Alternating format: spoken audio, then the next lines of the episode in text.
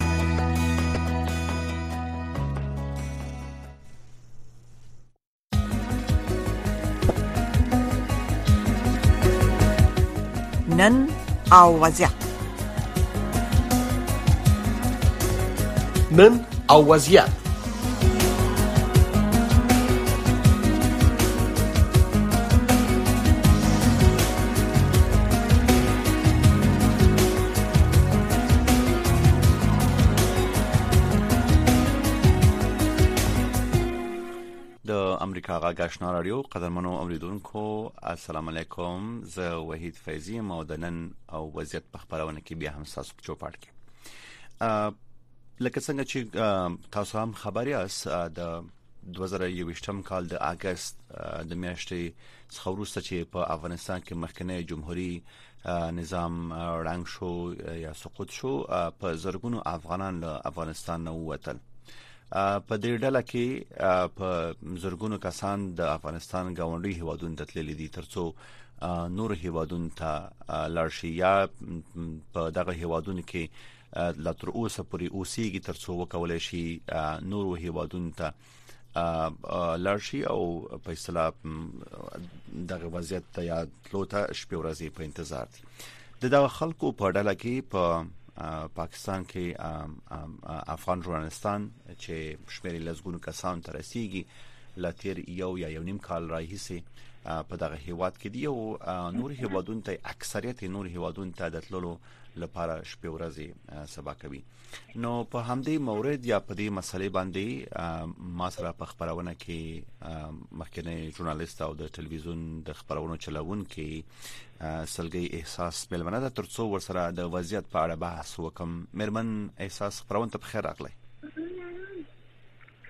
نړۍ مننه لمړی سلام تاسو ته بیا ټول اوریدونکو ته په دې هیله چې له خوخي ډک شیبه ولرئ ډیر زیاته مننه لمړی خو که خبرونه لدینه پیل کو چې ولې تاسو اړ شوي ترڅو له هیواد نه ووزي بهر لاړ شي دا چې افغانستان کې د جمهوریت له سقوط وروسته کوم تغیرات او تحولات رامنځته شو نو ټول نړیوالو ته دا معلومه ده چې تل سره کوم وضعیت دی او سره مانسته شو ډېری مسلکي اشخاص د ژورنالستانو په شمول خپلې دندې له لاسه ورکړې یا هغوی له دندو څخه لرې کړای شول چې له بد اقتصادي وضعیت سره مخ شول دندې نه وې او خزینه او ته په نور بخښونو کې اجازه نه ورکول کېدله او د خونځي اړوند ټول نړۍ معلومات لري چې خونځي تام نه پریخوتل کیږي نو لمړی موږ له داسې څخه لرې شو اجازه نه وه وروسته مو هڅه کوله نو مسلکي اشخاص چې کوم ول هغه که د هرې برخې و د ژورنالیستانو په شمول نو هغه خپل دند له لاس ورکړل زیات اقتصادي مشکلات سره مخ شول چې له بده مرغه ډیری د تار شو چې په غونډو هوادونو ایران او ځینې پاکستان تر اغلل او ډیری په ایران باندې د مرګ په سخت لارو باندې لاړل چې زیاتره خپل ژوند هم پکې وبایله چې هغه کې ژورنالیستان هم ول نو هلته انجونو ته تاسو خپل پوهیږئ چې تعلیم اجازه هم بند شو مو خدان د لره لا غدان د چې کوم استعفا ورکړل د دې ناو الته شرایط سم نو مشکلات او چون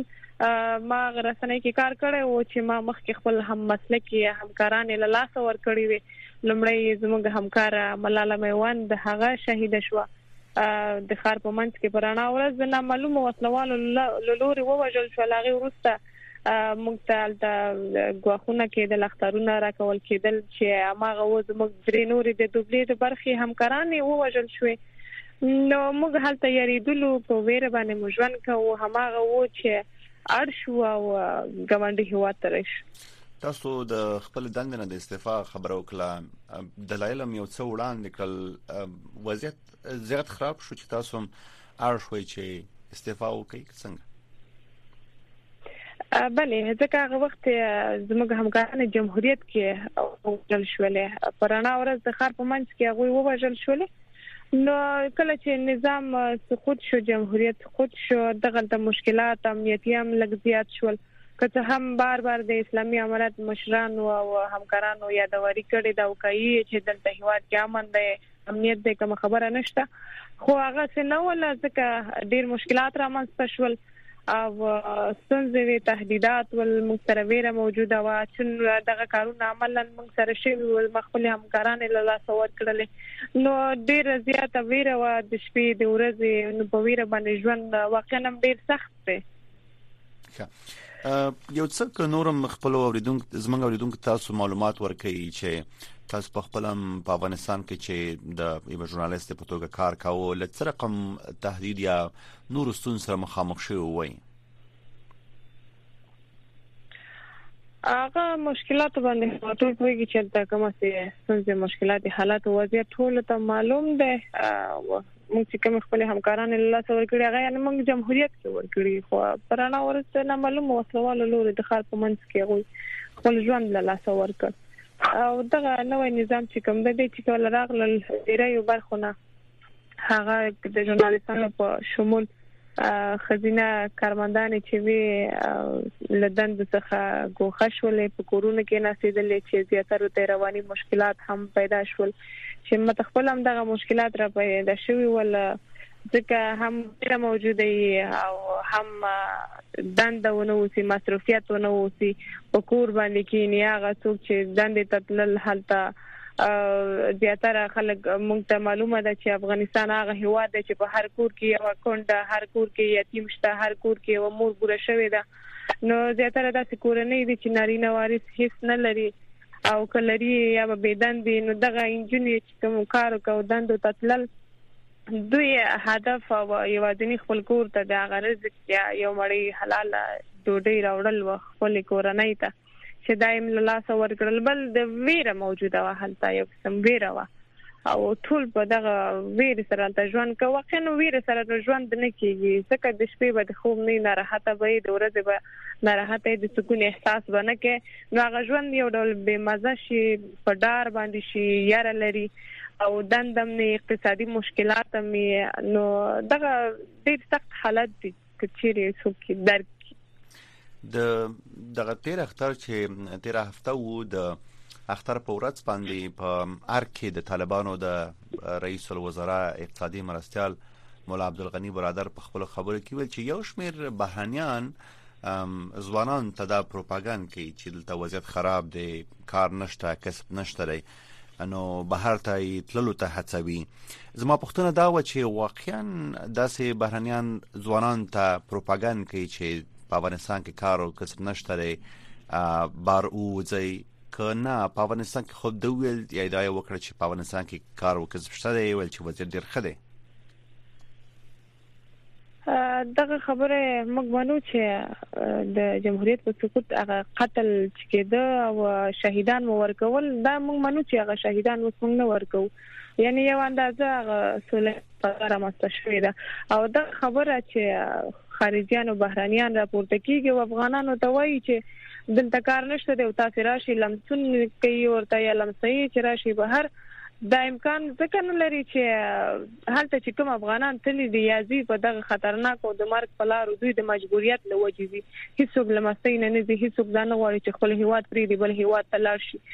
ما ډیر ځوانان ولیدل چې حتی تر ډاکټرا او ماسترۍ پورې زده کړې کړې بې دند دي یا څوک بل دند نه ګوښه شوی دي چې هغه مجبور شو زیاتره تاسو خبر است چې ایران او پاکستان کې دي هغوی ولې لاړل خو دلته هغه کوم کس چې مسلکی و هغوی د خپل هغه کوم بس باندې چې مقرر و هغوی لری کړای شول که اسلامي امارت دغه کار نه وای کړی هغه خپل اشخاص چې موجود هغه پریخي وای په ځای یا دغه فعلا چې کوم کسان په کورونو ناشتي لکه اشخاص چې ښه پوهه ښه استعداد هر څه لري په خوای دندې لا سکورونو ناسي او کوم کار نشي کولای له بد اقتصادي وضعیت سره مخ دي دغه بیرته راولي دی دوی ته دند ورکړي دوی پیسې تر لاسه کړي دوی به ولې لاړ شي خارجي هیوادونو ته هیڅوک هم زړه نه ښه کوي چې په اسانۍ باندې خپل هیواد پریږدي او بل هیواد ته لاړ شي او دا خبره خو ځکه هیڅوک نه مانی ځکه به هر څه څوک هغه لکان دي چې هغه انجن چې تللی دي ټول خواشینی د تاریخ خپل هیواد ته د خپل هیواد آینده ته د خپل هیوادوالو ته دي که هغه هر څومره راحت د ژوند ولري اما ذهن نه غوي نارامه دي نو هغه په خپل شکایت کوي یلته چې د زیات ستونزو سره مخ کیږي ځکه په دې هوا کې اوسېدل او حالت ژوند کول دومره اسانه خبره نه ده دا اوس که په افغانستان کې کوم شرایط مساعد شي یا د زمينه مساعد شي چې تاسو ته به تلار شي کار وکړي هغه څه دي چې تاسو په دا شرایط کې کولای شي خپل کار دوام وکړي کچېره یوازې خزینه وتنه دوی خو زیات محدودیتونه په خزینه او باندې ولګول نو کچېره ورته د کار زمينه مساعده شي د اجازه ورکړل شي مکتبونو ته ورته اجازه ورکړل شي نارینه او ته هم داسې ځکه زیاتره لیسانس ځوانان په کورونو ناشتي او دندې نه لري هغه چې په دند او غوي لري کړی شوی د لدان دینه نو دغوی ته که چیرې د کار زمینه مساعده شي بیرته دندې ته وغواړي دغوی نو دوی به هیڅ کله زړه ښه نه کړي چې په سختو او مرګونو لارو باندې لاړ شي اروپایي او یا نور هیوادونو ته او هلته دوی خپل ژوند وبایلي همداسې ښځینه هم همداسې دي زیاتره ما مخکې مې یادوري وکړله چې داسې نجونې دي چې هغه خپل کور ته د یو سر راوړل لپاره دوی یو وسیله دی نور څوک نه لري نو هغه انجنیم چې دی اوس په کورونو باندې ناشته دي کنه به دند دي او ویره هم ورسره موجوده ده په افغانستان کې تاسو د مرمنو په وضعیت باندې او یا په مرمنو باندې د بندیزونو او محدودیتونو یادونه وکړه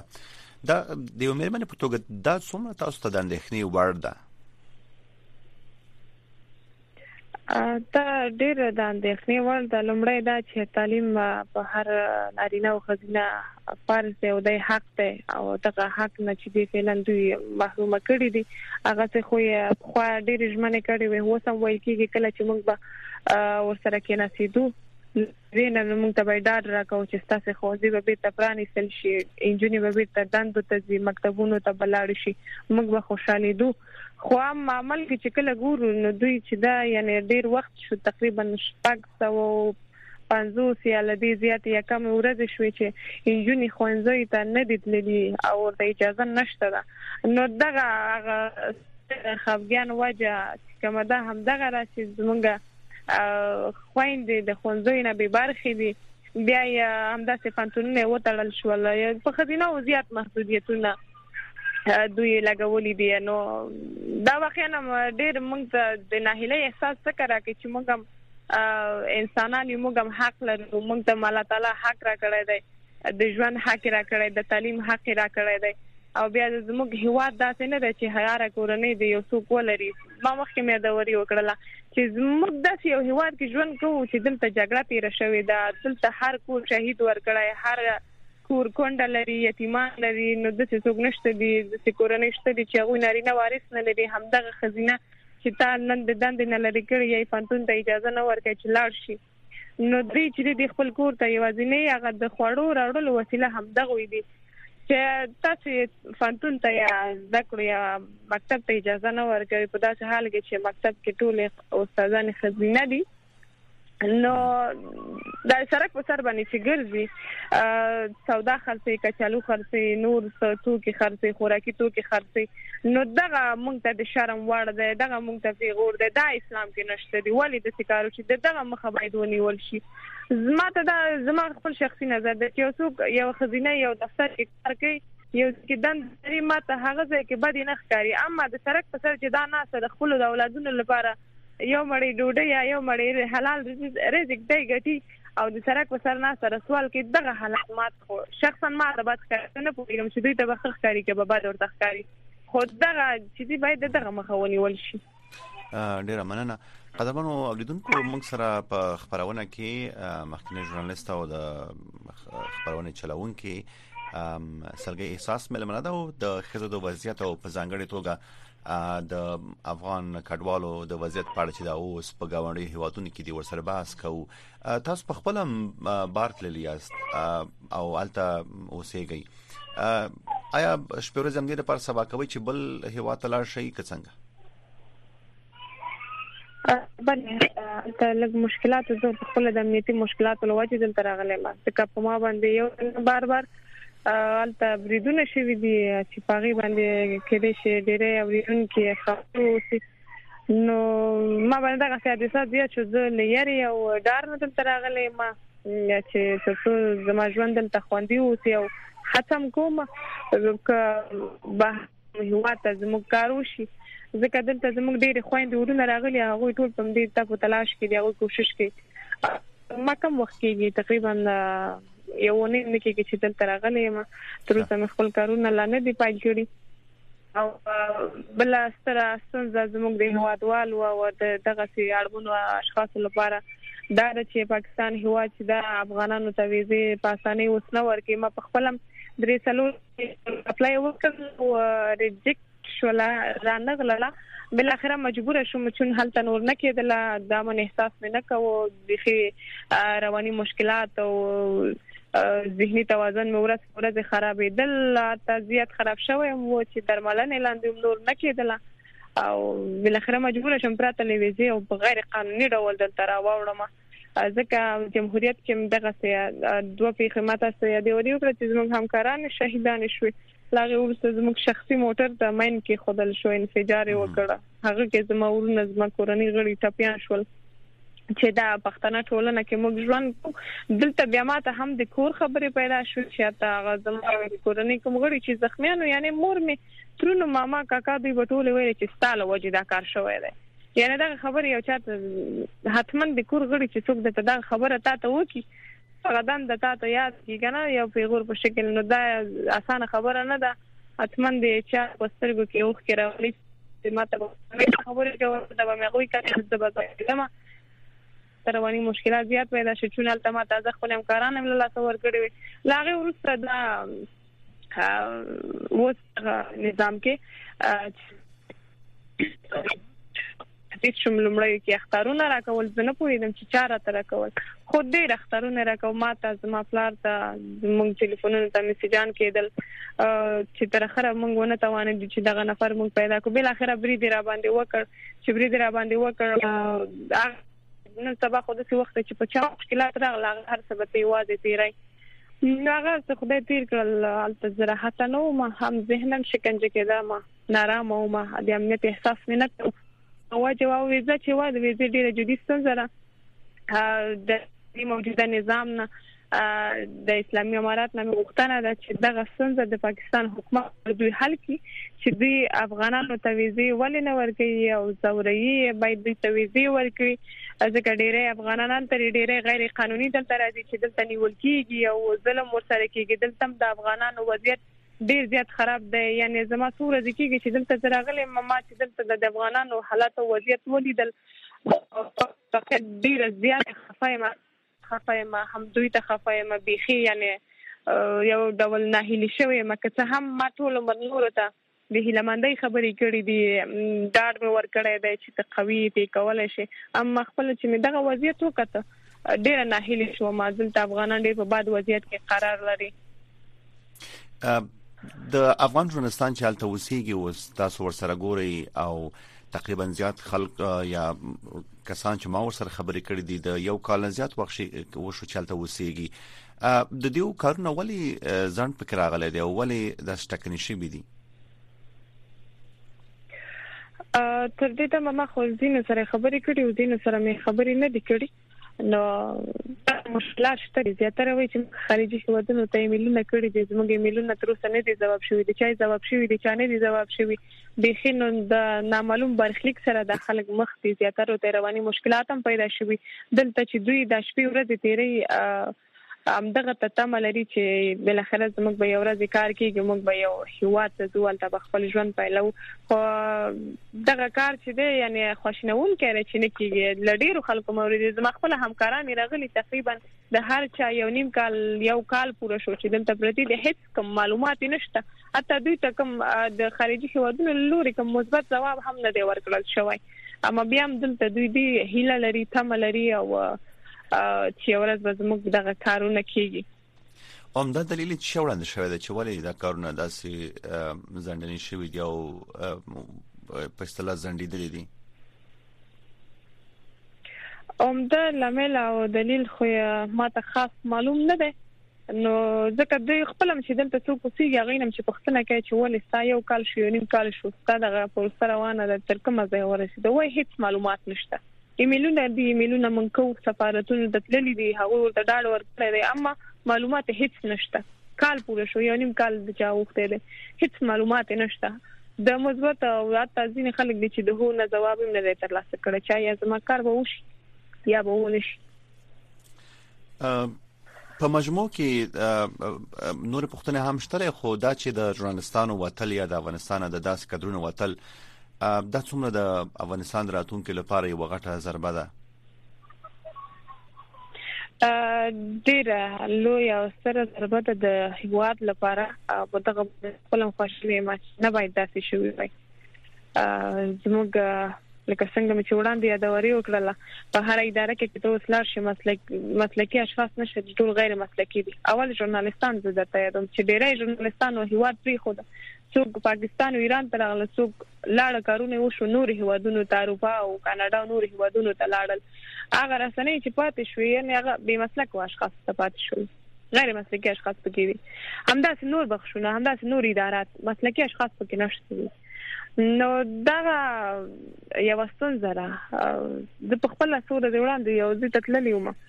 افغانستان کې نو د یو ساتکارو چې ډیر وسانډید وجه سو غیر مسلکي اشخاص یعنی هغه د لږ لکو کارو دی چې د پکې 2 ساعت 3 ساعت یو نفر په کار کې دوی وخت شي وجه څه ده هم دا وجه څه ده هم دا غیر مسلکي اشخاص دي نو د چې د اسلامي امارات نه غوښتنه ده چې دا کوم کسان چې مسلکي دي په کورونو نه چې تعلیم یافته دي لسانس ځوانان چې د سرک په سر ګاډي کچالو خرڅي دغه به راوړل شي د دندې ورکړل شي هر څوک په خپل مسلک کې وګماري ټول ته د دندې ورکړي چون که دوی ته دندې ورنکړل شي هلته دغه اقتصادي مشکلات سره مخ دي هغوی د کومه کې او خپل ماشومان ته د کومې لارې نه هغه خواړه دوی آماده کی کور ته راوړي ځکه کور کې ماشومان دي هغه خو انسانان دي خوړو او بو ته اړتیا لري او دلته کار نه نو دوی مجبور شي چې بیا هیواد نه لاړ شي هم دا اوس زموږ د هیواد څنډو کې بندر کې او پاټک کې پراته دي ډېری لیسانس ځوانان دي چې هڅه کوي واوړي ایران یا پاکستان هیواد ته واوړي ډیری چې کوم په افغانستان کې اوس شته دي یعنی ډیر لاړل ډیر افغان قدرونه موږ له لاس ورکړل لاړل کچېره دغه مخه ونیول شي د دې غوښتنې ومنل شي دوی ته دندې ورکړل شي بیرته هغه خپل دند ته وغواړي نو دوی هیڅ کلم نه مجبورېږي چې نور هیوادونو ته لاړ شي بیت رازو د مهاجرت وضعیت ته په خپل د مهاجر شالته په یا کډوال چې په پاکستان کې اوسېږي د د کډوالو د ملاتړ ادارو په ځانګړي توګه د ملګرو ملتونو د کډوالو د ملاتړ ادارې یو ان سی آر سره د سره په تماس کې دي دا غو جواب ورته څه دی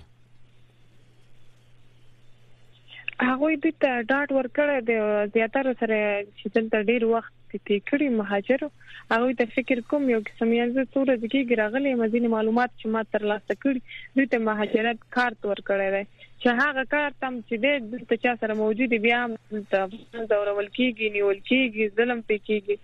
یعنی د څو ورځې کې چې دلته راغلی ډیر نفر دلته ونیول شو چاپیه چی هغه کوم کمپونو کی چی افغانان دی هلته دوی راځی چاپیه چی افغانان نیسی ظلم ورباندی کیږی نو دلته چی ما خبری وکړی دی خلکو سره دوی ته یو قسم کارتونه ورکړی همدا تاسی چی یادولی کړه دغه سازمانونو یو قسم کارتونه ورکول کیږی اما دا دوی ته قابل دی قبول ندی. تر څو چې پاکستانی شناختي کارت ونه لري دلته دا یو هر ډول کارت چې ته ولري هیڅ کومه معنا دوی ته نه لري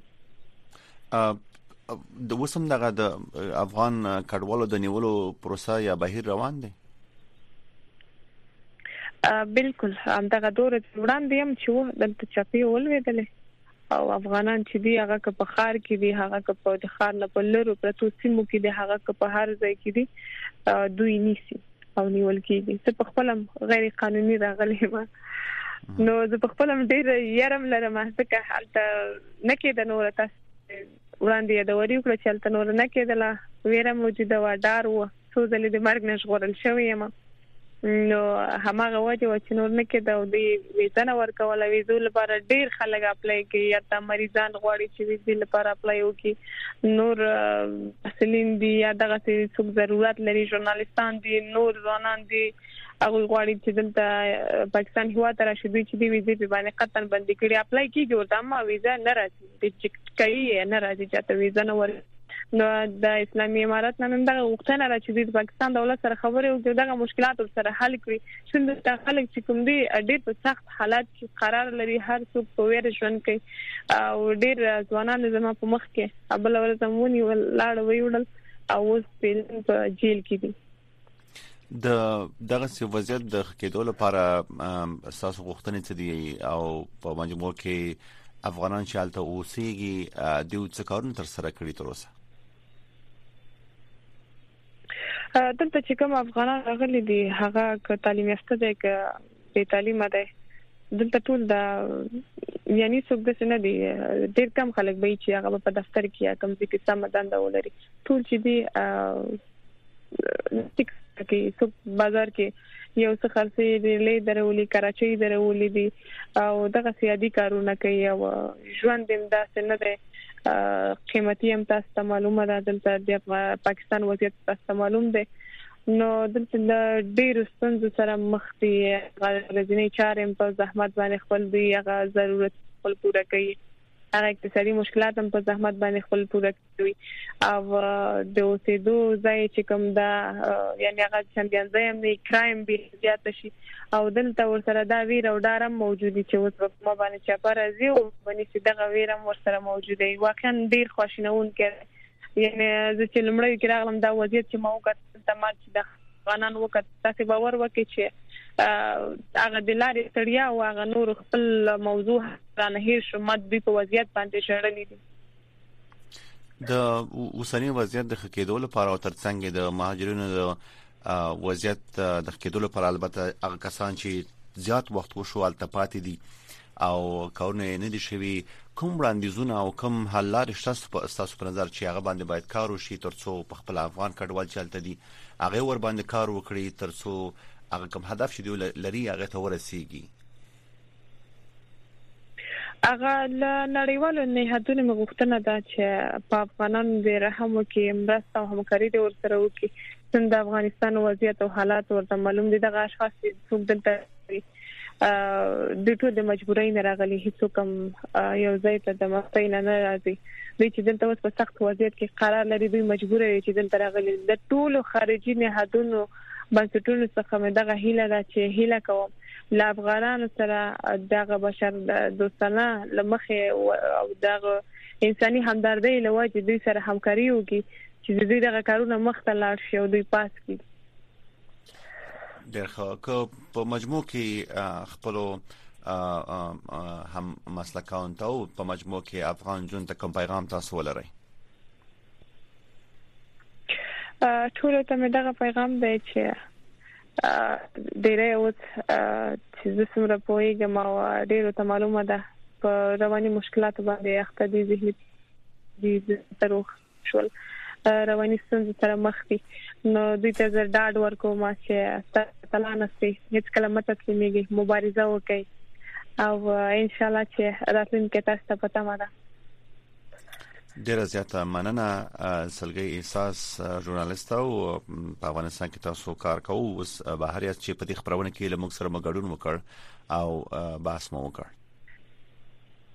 نړۍ مننه خو وخت لري الله مو شي کور آباد د امریکا غږ آشنا رادیو قدرمنو اوریدونکو دا و زموږ د خبرونه چې په څو شیبو کې پاتې رسیدي ل ملتیا مو ډیره مننه کوم امریکا غږ سره پات شي نور خبرونه هم لا دوام لري